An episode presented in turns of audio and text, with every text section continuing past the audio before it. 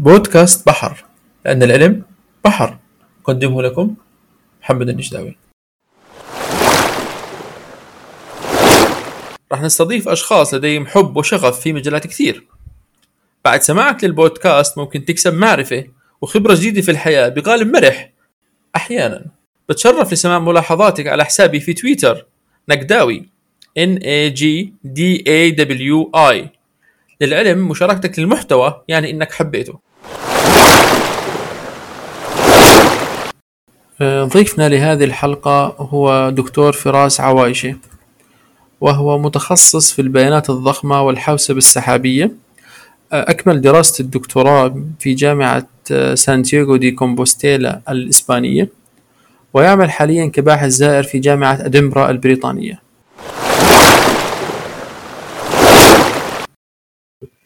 أول شيء السلام عليكم دكتور فراس عوايشة وشكرا لقبولك دعوتي على هذا البودكاست. آه، حياك الله وحيا الله جميع المستمعين. سعيد جدا أنا آه، بإثراء المحتوى المعرفي العربي في مجال تكنولوجيا المعلومات. آه، فرصة أنه نتواصل في لغتنا الأم واللي هي أصلا لغة القرآن ولغة العلوم. كثير من العلوم قامت على اللغة العربية ومن باب أولى تحديث معظم المصطلحات اللي بنتعامل معها على أساس يومي للغة العربية. فمشكور أنت على الفكرة ومشكور على الاستضافة وإن شاء الله نقدم محتوى اليوم آه، يرضي مستمعينا ويرضي قطاع تكنولوجيا المعلومات.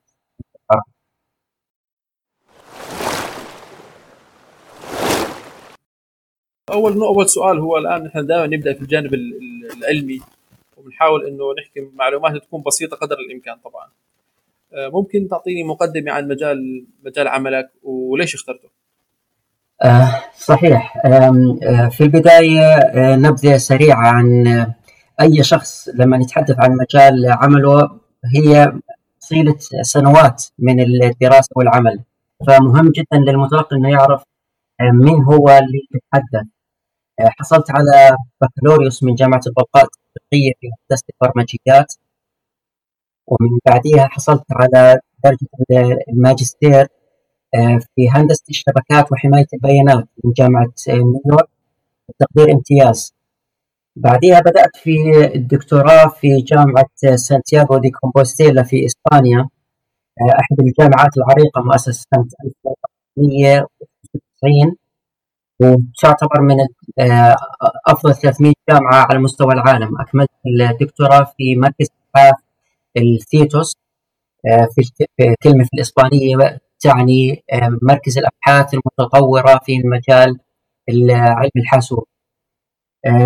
تخصصت في البيانات الضخمة والحوسبة السحابية وإنترنت الأشياء اللي هي كلها مبنية نوعا ما على قواعد البيانات وعلى البيانات الضخمة. آه، إجت الفكرة بدأت صحيح عندي من مرحلة الماجستير. في في الماجستير في جامعة نيويورك كان بحث التخرج آه، حول ال data centers أو اللي هي قواعد قواعد البيانات. مراكز البيانات. مراكز البيانات بالضبط. آه، كان كان كيف ممكن إنه نحسن مراكز البيانات آه، من ناحيتين من ناحية البرفورمانس أو الإنجاز آه، العمل ومن ناحية الأمن البيانات في في في هاي المراكز. لما قدمت المشروع البحث الدكتوراه كان حول إدارة الموارد في مراكز البيانات. وكانت شوية يعني تتعلق في في الشبكات وفي في قواعد البيانات نفسها قواعد البيانات داخل مراكز البيانات. آه، أثناء آه، تقديمي لهذا المشروع آه، كان عندي مشرفين اثنين. عادة بيكون مشرف والآخر بيكون مراقب أو بيكون جاهز إنه إذا في حالة إنه المشرف الرئيسي تعرض لأي مشكلة لكن في حالتي آه، كان كان الموضوع اللي بنشتغل عليه طلب وجود المشرفين آه، مع بعض لأنه لأنه من من ناحيتين مختلفات قواعد مراكز بيانات وحوسبة سحابية لفكرة البيانات الضخمة. آه، سبب اختياري لهذا الموضوع عاملين رئيسيات، العامل الأول اللي هو الرغبة الشخصية. آه، زي ما حكيت لك أنا بدأت فيه من من مرحلة الماجستير وملم آه، نوعا ما في في خلفية الموضوع بشكل عام.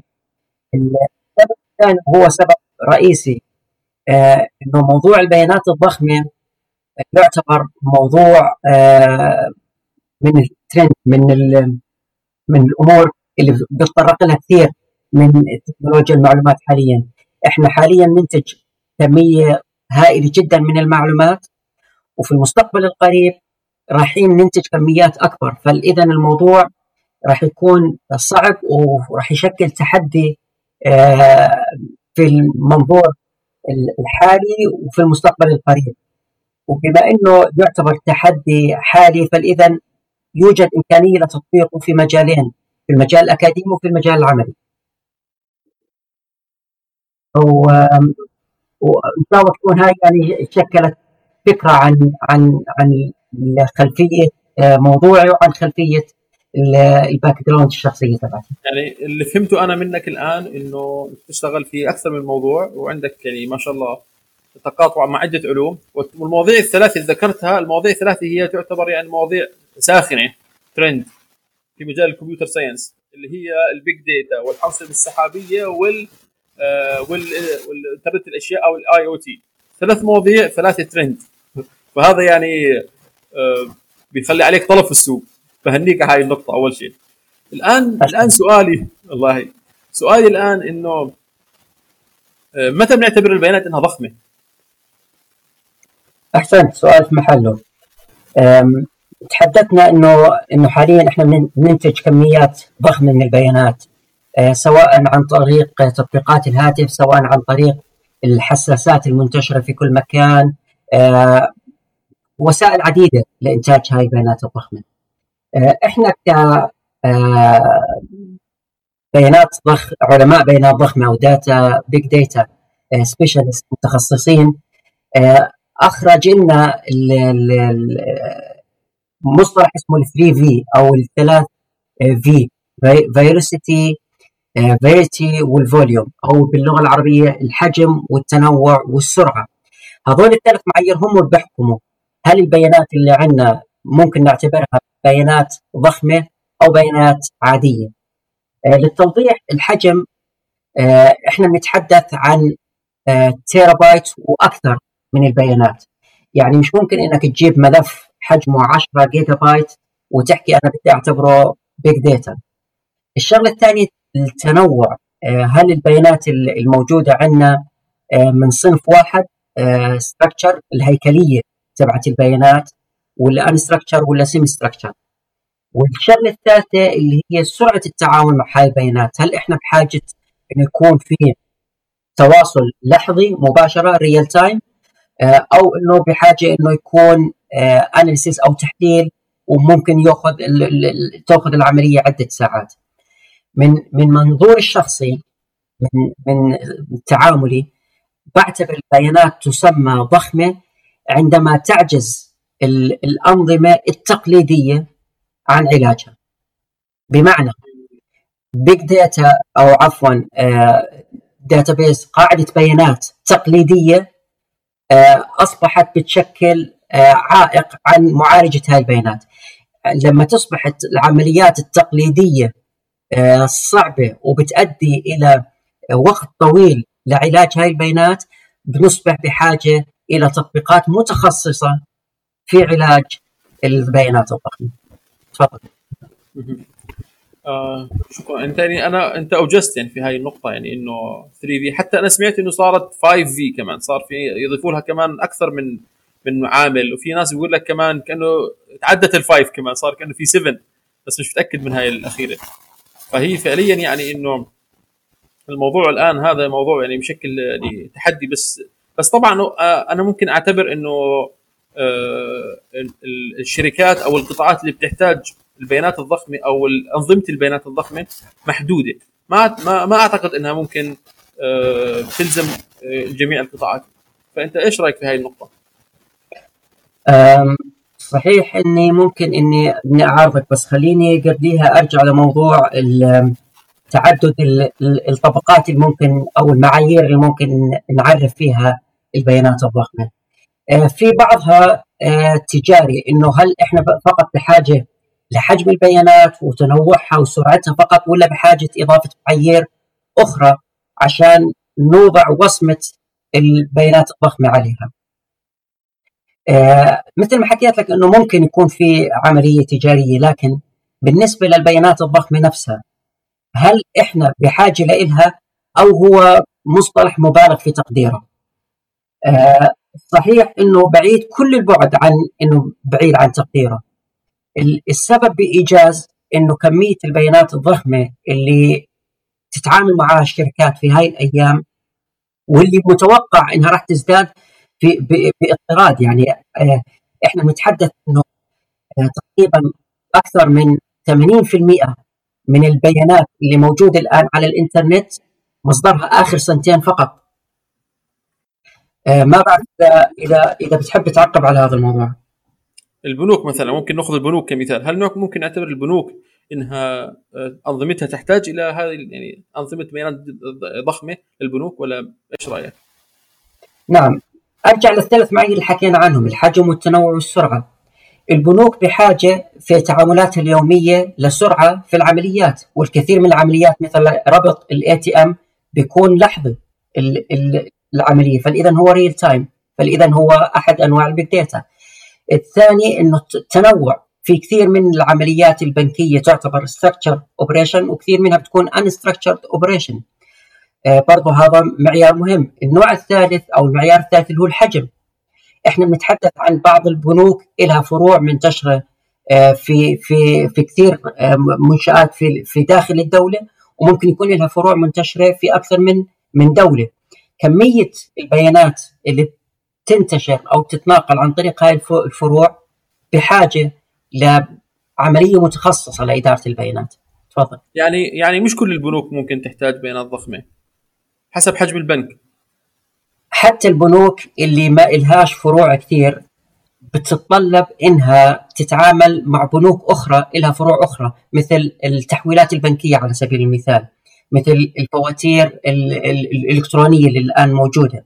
حتى المنشآت البنكية الصغيرة بتتعامل مع منشآت بنكية كبيرة الآن. تمام. يعني هون في ظل نقطة بس سؤال تساؤل ببالي برضو اللي هو إنه نوعية البيانات اللي في البنوك هي فقط تعتبر يعني أغلبها نصية text وأرقام. فما بيستخدموا يعني ما مثلا ما في بنك بخاطب بنك ثاني مثلا أو بخاطب الفروع الأخرى من خلال فيديو أو من خلال صور بشكل عام يعني إنه هي بيانات بالنهاية راح تكون عبارة عن عمليات و transactions. صحيح لكن في بعض العمليات تتطلب يعني مثال خطر على بالي آه، كثير من البنوك الآن تعتمد البصمة البيولوجية مش فقط آه، بصمة ال ال ال الأرقام أو الرقم السري. ما بدنا نذكر بعض الأسماء التجارية لكن هاي التكنولوجيا موجودة آه، على الأقل في الأردن. إذا نتحدث عن الشريحة الأكبر البنوك حتى خارج الوطن العربي وخارج منطقتنا العربية أتوقع أن الأمور متطوره متطورة هناك أكثر. حاليا إحنا بنواجه مشكلة الكورونا فيروس وكل تعاملاتنا أصبحت إلكترونية. أنا آه، حاليا في بريطانيا والبنك اللي بتعامل معه هو بنك إلكتروني بالكامل ما تأثرت نهائيا آه، بالعوامل المحيطة حولي. إني مش قادر أتمكن إني أطلع.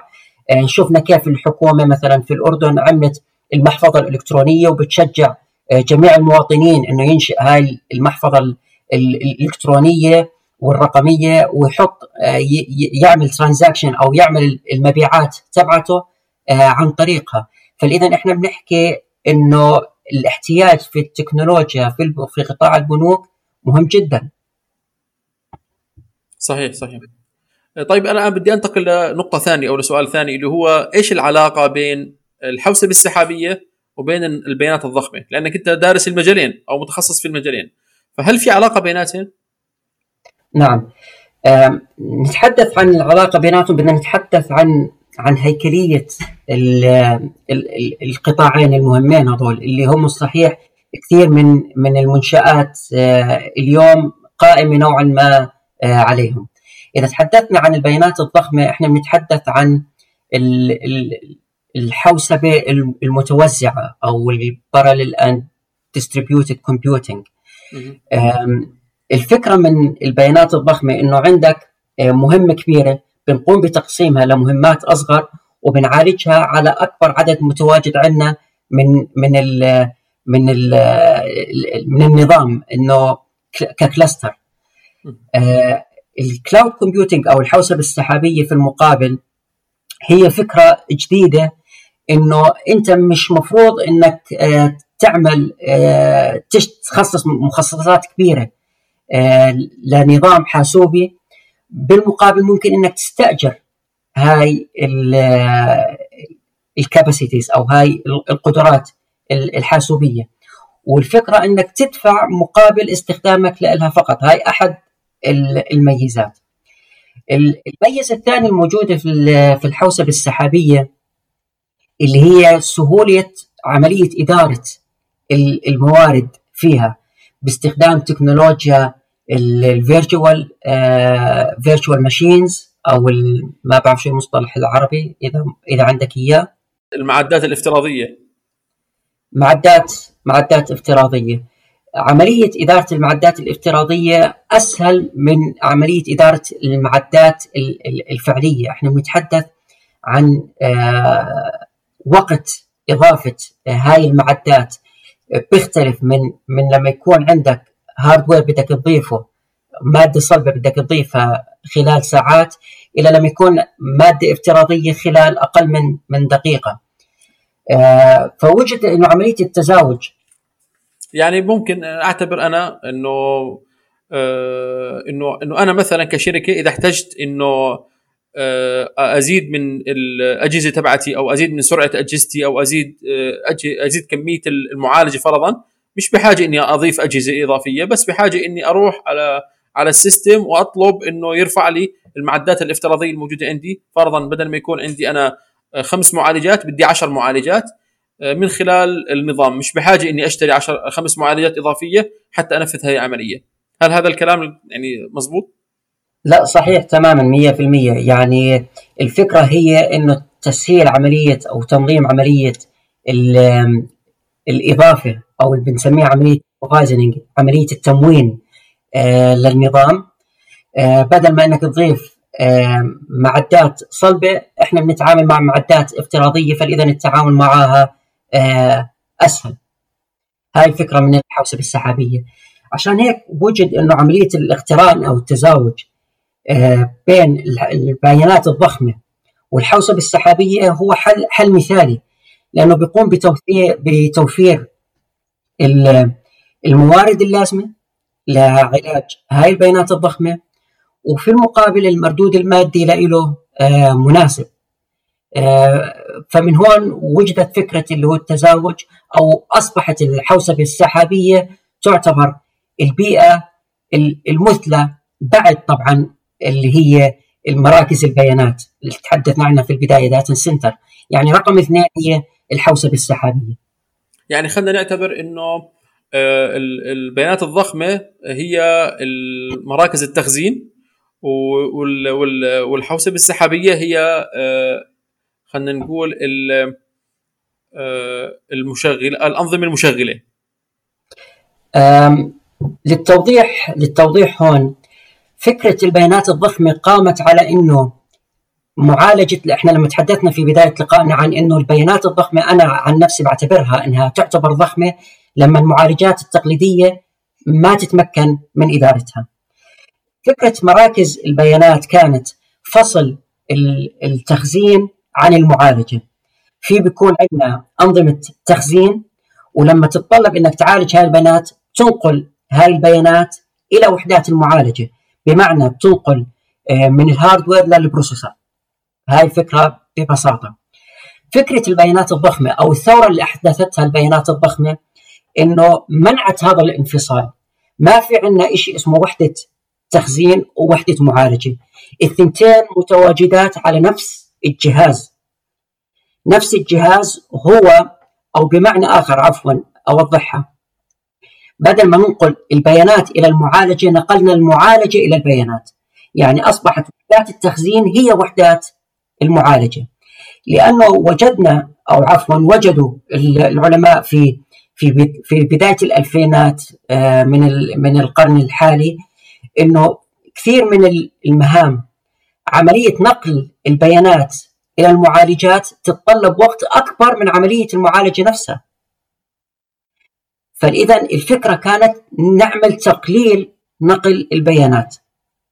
من هون أصبحت الفكرة إنه آه أنت تحدثت إنه آه استخدام واحدة كتخزين وواحدة كمعالجة لا حتى في الحوسبة السحابية بتنقل البيانات تبعتك كاملة مرة واحدة وتعتبر وحدة تخزين في البيانات في في السحاب وتعتبر وحدة معالجة في نفس الوقت. فهمت عليك يعني هو صار في آه، في الآن صار آه، تداخل وصار في آه، عملية انتجريشن يعني إنه صار في تضمن بيناتهم بين الحوادث السحابية والبيانات الضخمة. الآن صحيح. إيش في ممكن طيب تعطينا مثلا مثال تطبيقات عملية إنه فعلا لما نظام X فرضا نظام معين بس طبقنا عليه البيانات الضخمة صار إنه زادت فعاليته زاد ال efficiency مثلا زاد فيه ال security شو يعني كيف كيف استفادت ال ال ال كيف استفاد العالم من البيانات الضخمة؟ لازم نخصص وقت آه، أطول ممكن بعد هاي النقطة عن أمن البيانات وحمايتها. آه، لكن نتحدث عن الجوانب الإيجابية الأخرى. أنت سألتني عن تطبيقات لهي البيانات الضخمة. آه، إذا تحدثنا عن الشركات الرائدة يعني على سبيل المثال جوجل. جوجل حاليا مستحيل إنها تقوم بتوصيل كافة المهام المطلوبة منها من غير آه، إشراك عمليات البيانات الضخمة. إذا بتحب اللي, اللي هم اللي هم يعني اللي, اللي خلينا نقول أنا أعتقد اللي اللي اللي كان سبب ثورة البيانات الضخمة هم paper بحث نشرته جوجل. كان أتوقع عن اللي هو كان سبب نشوء Hadoop وهاي التقنيات. MapReduce آه، صحيح في ال في ال في 2003 وبس أضيف معلومة إنه لحد الآن جوجل وفيسبوك و IBM اللي هن الشركات الكبيرة في تكنولوجيا المعلومات هم اللي يعتبروا الممولين أو ال contributors الرئيسيين آه، للبيانات الضخمة. آه، ك open source كموارد مفتوحة. يعني مش المجال مش تنافسي. نرجع لل 2003 جوجل أنتجت programming model أو برم يعني موديل معين للبرمجة سمته MapReduce اللي هو بيقتضي إنه نعالج الكود في في مرحلتين. مرحلة ال map اللي هي بتقسم ال task آه، عندك وبتوزعها. على المعالجات ومرحلة ال reduce اللي هي بتقوم بدمج وجمع هاي النتائج. آه، انتشر انتشر هذا البحث آه، مثل النار في الهشيم وبما انهم تبرعوا فيه ك open source Apache اللي هي المتخصصة في الملكية الفكرية للبرامج تبنت ال MapReduce وطرحت نسخة آه، مفتوحة من الجوجل وأسمتها Hadoop Hadoop في في في البداية إذا إذا وقتنا بيسمح إنه نتحدث أكثر عن عن ال Hadoop ممكن إنه نتحدث بعدين عن عن ال Hadoop لأنه مجال مجال مهم جدا في في البيانات الضخمة. بالنسبة للتطبيقات نرجع للشركات آه، الكبيرة. فيسبوك قائمة على على بيانات ضخمة. كل ال social media قائم على بيانات ضخمة. كل محركات البحث كذلك ال ال ال الأمر. الآن بنجد تطبيقات البيانات الضخمة في العمليات الصحية والطبية في عمليات الاتصالات والشبكات بنلاقيها أيضا في عمليات حتى الجيمنج والألعاب. كل العمليات المرتبطة في تكنولوجيا المعلومات اليوم أصبحت مرتبطة بشكل أو بآخر في البيانات الضخمة وتطبيقاتها مثل تعلم الآلة مثل الذكاء الاصطناعي مثل كل علوم البيانات ومثل آه، أيضا حوسبة الأشياء أو ال internet of things ما شاء الله هاي تطبيقاتها طلعت كثيرة. صحيح آه. صحيح. طب هسه السؤال خطر في بالي يعني إنه هل إحنا في حاجة فعليا ل... لشركات تنتج أنظمة سحابية أو آه، أنظمة سحابية باللغة العربية؟ طبعا أنا هون سؤالي يعني شوية في بدي حاجة لتوضيح بسيط لأنه إحنا بنعرف إنه الأنظمة السحابية آه، فيها سيرفيس كثير فيها خدمات كثيرة مثل التعرف على الصور مثل تحويل النص إلى صح. إلى إلى كلام مثل تحويل الصوت إلى كلام. الآن كل هاي الشغلات مدعومة ولكن أغلبها باللغة الإنجليزية سواء تعرف على الصور أو على النصوص أو إلى آخره. هل تعتقد إنه إنه في في سوق أو في في حاجة في السوق إنه يكون في مثل هذه التطبيقات؟ أو أو هذه هذه الأنظمة تكون باللغة العربية؟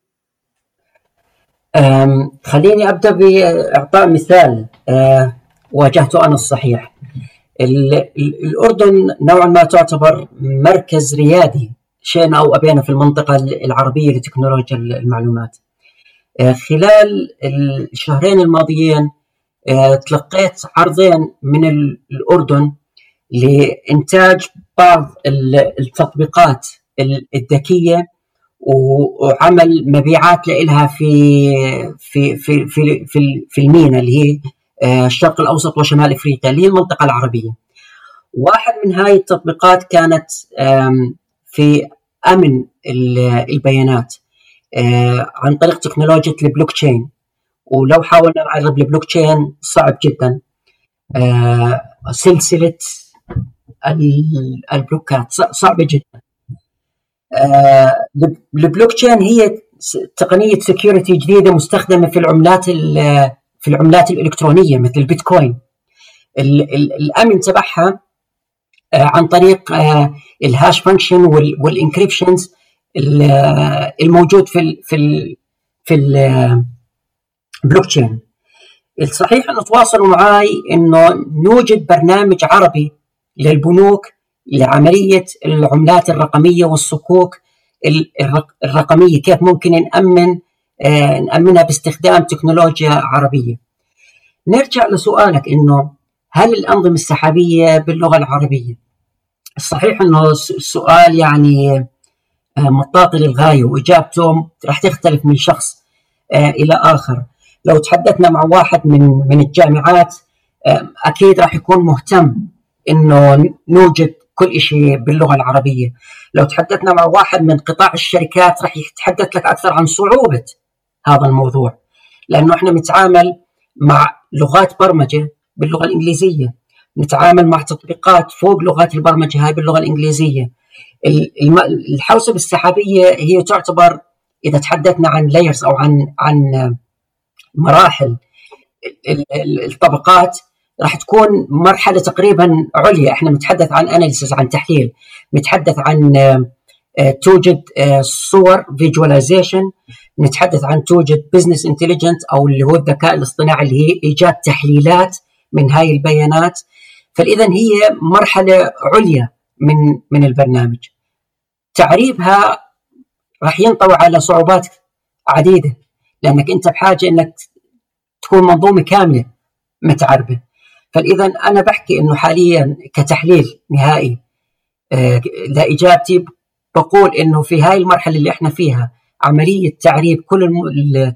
أو إيجاد نظام سحابي باللغة العربية فقط ينطوي على تحدي أكبر من الاستفادة.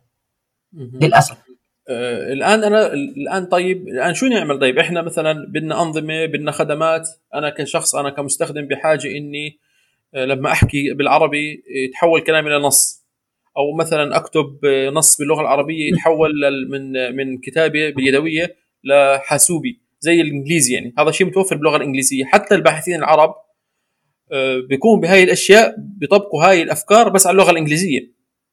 فهاي الأنظمة صحيح. يعني لها لها سوق. يعني أنا مثلا ممكن أجد مثلا إنه والله مثلا عندي أرشيف ضخم بدي أحوله لرقمي ففي شركات مستعدة تدفع أرقام كبيرة مقابل إنها تحصل هاي الخدمة فما بعرف هل أنت بتأيدني ولا لا آه لا بعيدك بشدة لكن اسمح لي هون إني أعيد سؤالك إنه هل إحنا بحاجة لنظام سحابي باللغة العربية؟ كان جوابي لا لأنه صعوبة الصعوبه التقنية بنواجهها في الموضوع. لكن إحنا حاليا نتحدث عن تطبيقات لاستخدامها في اللغة العربية. ال voice recognition أو التعرف الصوتي، التعرف النصي، ال natural language processing أو معالجة الانظمه اللغات. هاي كلها تطبيقات. ممكن إنها ممكن إنه نأخذ هذا البرنامج ونضعه في في برنامج أو في سحابة آه، أجنبية وتعطينا النتائج. آه، إحنا تحدثنا يعني قصدك انه إنه مثلا إنه إحنا ممكن إنه آه نعمل تدريب أو نعلم خدمات موجودة على الحوسبه السحابية حتى تعطينا هاي نفس النتيجة بدون ما نحتاج نبني أنظمة من الصفر. صحيح. هيك هيك اصبح أقرب للواقعية نعم. بس بس المشكلة وين؟ المشكلة هاي إنه أنا بدي أعمل training أو بدي أعمل تدريب، أنا بدي أنا بدي نظام ما بيحتاج تدريب لأنه أنا مثلا شركة جوجل أو IBM Watson أو الشركات الكبيرة هاي الآن بتوفر لك هاي الخدمة بدون تدريب، يعني أنت بتعطيه الصورة هو بيعطيك النص، بتعطيه الصوت، بيعطيك النتيجة بدون training. فاذا هون نتحدث عن مقدار التزام العلماء العرب في هذا الموضوع. أنا مثل ما حكيت في البداية آه، مثل ما حكيت إنه خلصت الدكتوراه في إسبانيا فاذا أنا بقدر أتحدث عن تجربة اللغة الإسبانية على سبيل المثال غير الإنجليزية اللي هي منتشرة بشكل عام في الكمبيوتر ساينس أو في علوم الحاسوب هي المسيطرة اللغة الإنجليزية. في في إسبانيا واحدة من أكبر المشاريع اللي بتحصل على تمويل سواء حكومي أو جامعي أو من القطاع الخاص اللي هي إيجاد حلول خاصة في اللغة الإسبانية. فإذا أنا كباحث وين بزيد اهتمامي؟ لما أجد داعم للعملية داعم مالي. نعم. الصين مثلا إحنا ليش بنروح مثلا علي بابا؟ مش مش علي بابا برضه بنى cloud هواوي مثلا برضه بنوا cloud بنوا حوس بنوا سحابة. الان في شركات صينية برضو عندها أنظمتها الخاصة. صحيح. وإحنا نتحدث عن عن أكثر من مليار و400 مليون بتحدث اللغة الصينية وبنتحدث عن الصين كدولة أصبحت ريادية في مجال آه، الحاسوب. ومرة ثانية برجع للنقطة اللي توقفت منها اللي هو التمويل. كم مقدار القطاع الخاص مستفيد يعني أنا كقطاع خاص مثلا أو شركة خاص زي ما حكيت الأردن تعتبر ريادية في هذا المجال. تعتبر عندنا شركات كبيرة يعني في مجال ال IT. لكن ما بنشوف أو ما سمعنا لحد هاي اللحظة عن أي شركة تبنت إنها تعمل أبحاث وتطور أنظمتها بحيث إنها تقدم خدمات زي هيك. آه، مركز الأبحاث اللي أنا خلصت منه أو مركز الأبحاث اللي حاليا أنا شغال فيه في في ادنبرا أو معظم اللي التعاون الكولابوريشن اللي بشتغله دائما في ازدواجية بين القطاع الخاص والقطاع التعليمي. دائما في تمويل من القطاع الخاص للأبحاث اللي جاي من القطاع الأكاديمي. معظم التكنولوجيا بتطلع من مراكز الأبحاث وبعد هيك بتقوم طبعا بتكون ممولة من القطاع الخاص وبعد هيك يتم تطويرها بعد ما إنها تنشأ في القطاع ال research and development في في قطاع مراكز الأبحاث. بعد هيك يتم تطويرها كمنتج تجاري في الشركات. هاي الحلقة مفقودة عنا اللي هي حلقة الوصل بين القطاع الخاص والقطاع التعليمي آه، في الأردن وفي الوطن العربي بشكل عام. حلقة اللي هي مراكز الأبحاث. نعم. ممكن لأنها مكلفة. مكلفة في المقابل هي بتعود بفوائد أعطيك مثال على فائدتها. أنا شركة في الأردن بدل ما أعين ثلاث موظفين في راتب ثابت آه، ممكن يكون من 2000 ل 3000 دينار. ممكن أعطي هذا هذول ال 3000 دينار بدل راتب شهري لهذول الثلاث موظفين أعطيهم لمختبر في جامعة. هذا المختبر بدفع له إياها مرة واحدة هذا المبلغ. وبكون في عندي طلاب أصلا بدهم يشتغلوا مشاريع آه، تخرج. الدكتور المشرف بيختار ثلاث طلاب متميزين بيجوا بأفكار بيحاولوا يعملوا proof of concept تطبيقها إنه إمكانية تطبيق هاي الفكرة. بتوفر على الشركة ممكن فترة طويلة من البحث والتطوير إنه أصبح عندك فكرة ثابتة ممكن إنك أنت تطورها آه مثل ما حكيت لك معظم التكنولوجيات على الأقل في المجال الغربي أو في الدول الغربية بتنشأ من مراكز الأبحاث وبتم تطويرها في بشكلها التجاري ومنتجها النهائي في الشركات عشان تنباع كمنتج نهائي.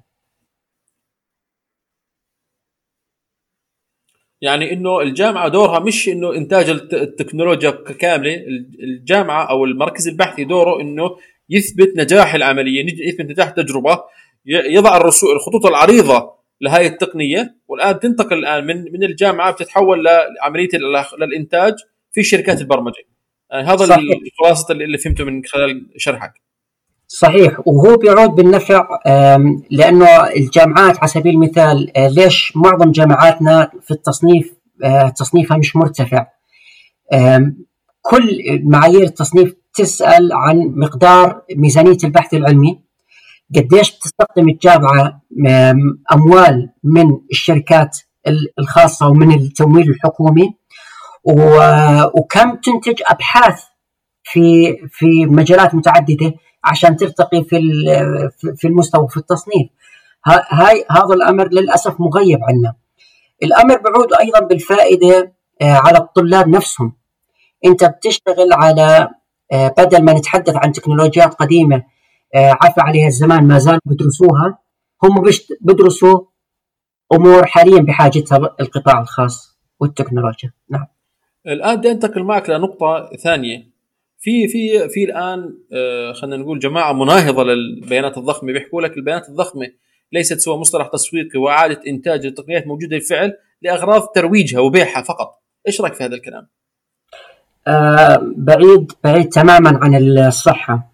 وهذا طبعا الكلام هذا حكاه حكاه ناس على مستوى سي أو رؤساء شركات على ناس بمجال يعني بيشتغلوا في هذا المجال على مستوى محررين. ناس على مستوى عالي. بيدعوا هذا الكلام؟ أه بدنا نتحدث هون انت تحدثت عن CEO بس بدنا نتحدث عن بعض ال CEO اللي ارتكبوا أخطاء أدت لانهيار شركاتهم مثل مثل نوكيا مثل ياهو لأنه ما واكبوا التكنولوجيا. أي CEO ما بتعامل مع البيانات الضخمة بجدية أنا من مكان الصغير اللي اللي أنا فيه هون بتعهد لك إنه راح يكتسب فشل لمنظمته. راح يفقد تنافسية. صحيح. السبب ببساطة إنه آه تحدثنا إنه البيانات الضخمة تتطلب نوعية تعامل تختلف عن البيانات العادية. هذا من جال من جال آخر أي شركة ما عندها استراتيجية آه للتعامل على المنظورين الحالي والمستقبلي راح تتعرض لفشل وراح تتعرض لإضاعة فرصة. تتعرض للفشل إنه تراكم هاي البيانات راح تواجه الشركة صعوبة في إدارتها مع الوقت. إضاعة الفرص إنه هاي البيانات ممكن نستخرج منها كم هائل من التطبيقات أو من الأمور اللي ممكن نستفيد منها. كمية هائلة من المعرفة. عدم تخزين هاي البيانات وعدم معالجتها بيضيع فرصة كبيرة على هاي الشركات. من إنها تستفيد تستفيد منها. إحنا أه، بنشوف عندك مثال؟ تفضل أكيد. أه، بسألك اذا في عندك مثال مثلا على عندي شركات مثال. تفضل. عندي مثال. شركة التايمز آه عفوا جريدة التايمز نيويورك تايمز كانت أول الشركات اللي تعاونت آه مع البيانات الضخمة. خلينا نتحدث إنها هي بتنتج من ما عندي فكرة متى بالضبط لكن خلينا نتحدث من الأربعينات أو خمسينات القرن الماضي. وكان كلياته منتج ورقي.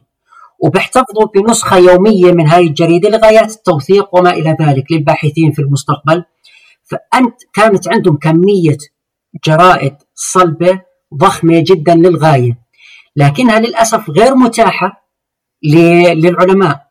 أنا مش معقول إني مثلا بدي أطلع تد... أعمل عملية تدريب للآلة أو ذكاء اصطناعي بحاجة إني أدرس ال... ال... الإصدارات هاي الجريدة لآخر 20 30 سنة. ما راح أروح على مخازنهم واطول هاي الملفات. نيويورك تايمز سوت عملية أتمتة تصوير باستخدام البيانات الضخمة باستخدام ال MapReduce اللي تحدثنا عنها في البداية. قامت بتصوير الأرشيف كامل وتحميله أونلاين. النيويورك تايمز الآن تعتبر واحدة من الجرائد الريادية اللي استطاعت التغلب على المنافس الإلكتروني اللي هي ال news الإلكترونية بدل المطبوعات الورقية. وأتاحت إمكانية إنك تدخل لقاعدة البيانات الضخمة جدا عندها. نتحدث عن عشرات السنين وأصبح كلياته موجود أونلاين. بيستطيعوا الباحثين طبعا لازم تدفع. أصبح يعني يعتبر دخل. لهاي الشركة. بدل ما هي موجودة في في المخازن بدون استخدام أصبح عليها طلب الآن.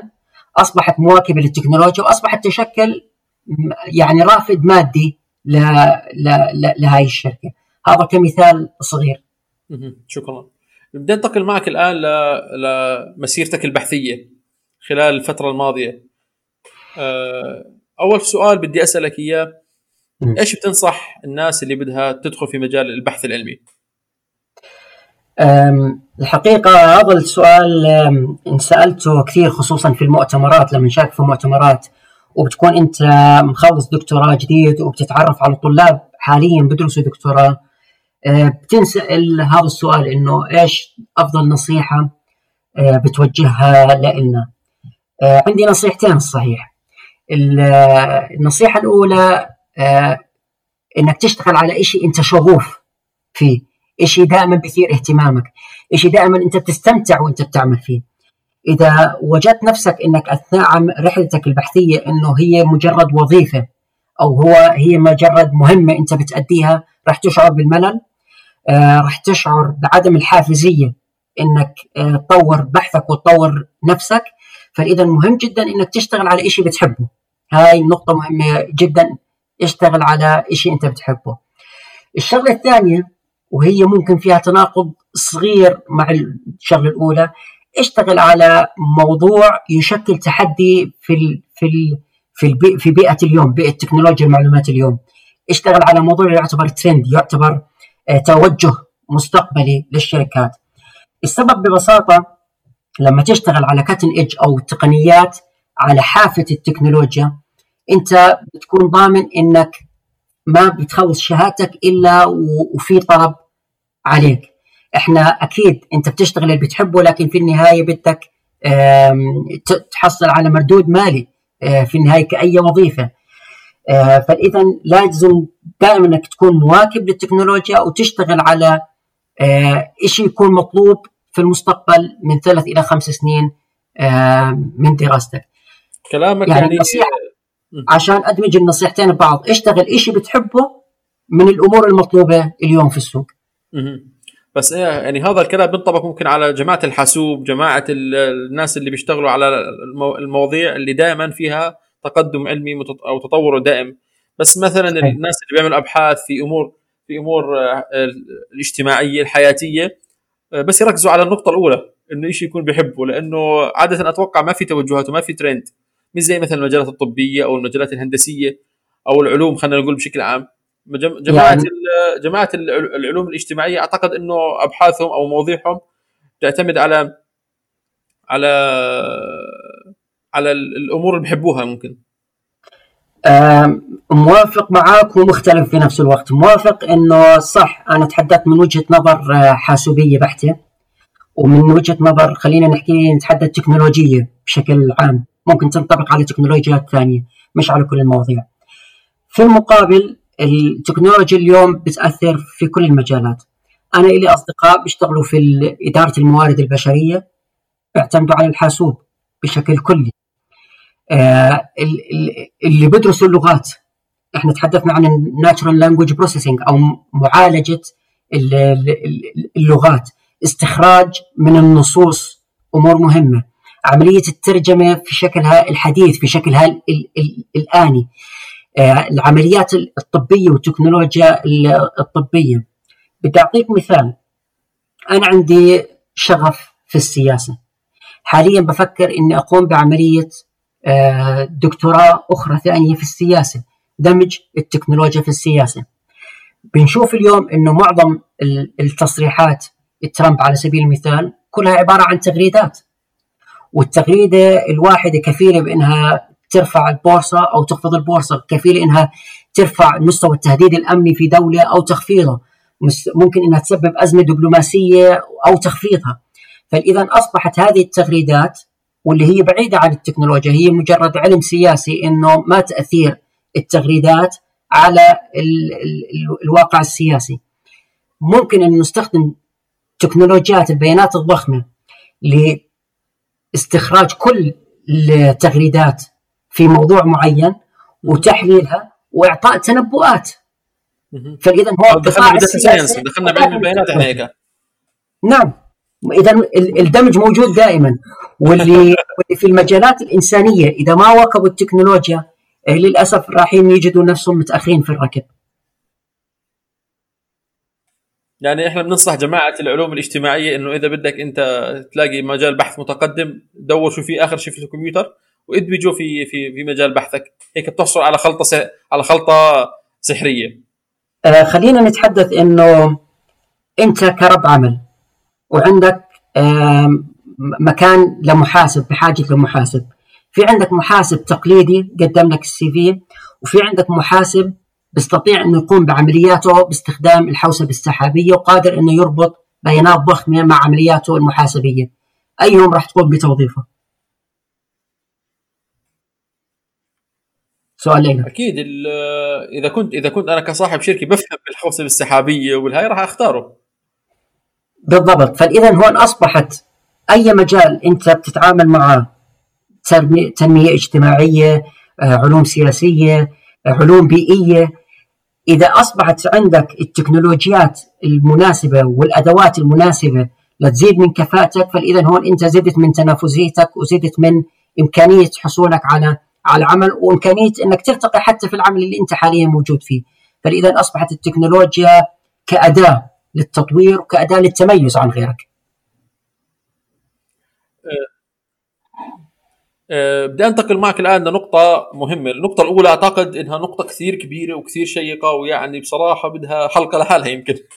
نعم دمج أه، التكنولوجيا مع قطاعات أخرى صحيح. إيش الأشخاص اللي بتعتقد إنه غلط يفكر إنه يدخل مجال البحث؟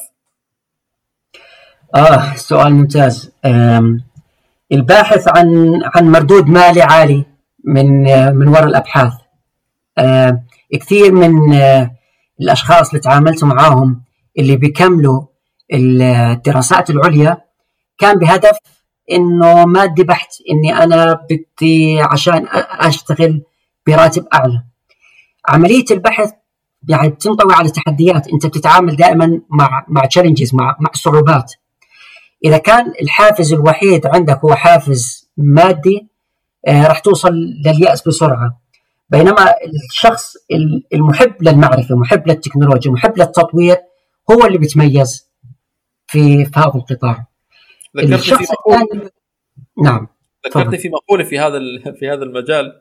آه، اول أول محاضرة في كلية الطب فكان آه. الدكتور الدكتور المحاضر بيحكي للطلاب بيقول لهم يا إخوان اللي جاي بدور على مكاسب مادية من وراء مهنة الطب يروح على البورصة لأنه هاي مهنة الطب مهنة إنسانية. صحيح. صحيح جدا. لا مثال مثال ممتاز. والش... والشخصية الثانية اللي فكرت فيها كمان اللي هو الشخصية المستسلم. آه، أنا أخذت معي دكتوراه تقريبا أربع سنين أربع سنين ونص. آه الدكتوراه فعليا أو الرسالة تبعتي في شغل آخر ثلاث سنين منهم. أول سنة ونص تغيرت بالكامل. آه واجهت مشاكل تغلبت عليها غيرت موضوع الرسالة تبعتي. إذا في شخص بيأس بسرعة أو بعتقد إنه عملية البحث العلمي عملية سهلة وإنها بتوفر إيد الجميع وإنها ما بتنطوي على صعوبات. برضه هذا ممكن إنه يواجه الفشل بشكل سريع. بينما المتقبل لفكرة إنه راح يواجه مشكلات وعقبات هو اللي بحقق آه، النجاح في البحث. أحسنت أحسنت. ما شاء الله. يعني أنت يعني أوجزت في هاي الكلمة في هاي النقطتين. آه، شو أفضل لحظة مريت فيها كباحث؟ وكيف تع... وايش كانت احكي لنا إياها يعني؟ عشان الواحد يستفيد. أفضل لحظة كباحث. آه، بفكر في لحظتين الصحيح حاليا يعني أي باحث كيف بيتوج آه، شغله وعمله عن طريق نشر الأبحاث اللي اللي قام فيها آه لما لما إجاني إيميل صحيت الصبح وجدت آه إيميل بقبول بحثي آه في في مجلة تعتبر رقم واحد في المجال الابحاث اللي أنا بشتغل فيه. ما كان وقتها ممكن شيء يملأني بالسعادة أكبر أو أشعر بالفخر آه، أكثر من من إنه حصلت على التقدير آه، المناسب لجهد لجهد كبير. تقريبا أخذ معي بحث سنة وأخذ عملية التحكيم ست أشهر ومجرد ما قرأت الإيميل إنه congratulation آه، كان بالنسبة لي شعور over يعني كنت أشعر بالغبطة من الفرح. الحمد لله. أتوقع إنه هاي بعتبرها أجمل لحظة في البحث العلمي أحسنت صحيح. أنا أتفق معك. طيب كيف تتعامل مع لحظات الإحباط؟ آه صعب وبدك آه بدك تعرف نقطة مهمة. إنه حتى أي فشل هو درس. آه كل المخترعين الكبار ما وجدوا الحل من أول محاولة. بعضهم فشل مئات وممكن آلاف المرات. نيوتن لعبين ما ما توصل لابتكاراته مر بسلسلة طويلة من الإخفاقات. هذا مش معناته أنك أخفقت معناته أنك تعلمت شيء جديد من إخفاقك. اللي بتكتسبه من كل هاي المعرفة ومن كل هاي الفشلات السابقة هو اللي راح يسبب لك النجاح الأعظم اللي تحدثنا عنه اللي هي اللحظة الكبيرة الفرح النهائي اللي هو آه إنك توجد الحل في ناس يعني آه طالب حديثك في ناس بتعامل مع لحظات الإحباط آه، زي ما تفضلت أنت من خلال الحافز النفسي. في ناس أنا قبل اليوم كنت يعني المقابلة السابقة حكيت مع دكتور برضه في أستراليا آه، ذكر لي إنه بتعامل معها من خلال الرياضة إنه بينزل بيلعب رياضة. آه، في برضه حكى لي برضه إنه السوشيال إنه الناس اللي الاجتماع اللي حوله الناس المحيطين فيه. فهاي برضه عوامل أخرى يعني جميلة يعني. إنه الواحد فعلا لما يكون ضايق يكون في حواليه أصدقاء وناس يدعموه. فأنت ما كان في ناس من هيك يعني حواليك؟ في في جامعتك فرضا؟ أو في مركز آه بدنا نتحدث عن عن الشعور هذا في البداية إنه شعور طبيعي. يعني صحيح. أي شخص بيسمعنا ومر في هذه اللحظة هو هو شعور طبيعي للغاية. الإنسان بيواجه مشكلاته وصعوبات وبيختلف من شخص لآخر كيفية تعامله مع هاي اللحظات الإحباط. المهم جدا إنك تتقبل المرحلة اللي انت فيها. مجرد تقبلك معناته انك انت بدأت تتعامل مع الموضوع بمنطقية. آه، في بعض الناس وأنا منهم لما أكون آه، كثير واجهت مشكلة أو تسببت لي إحباط ممكن إني أترك الشغل آه، لفترة يوم أو يومين. مش ضروري إني أجبر حالي إجبار على العمل.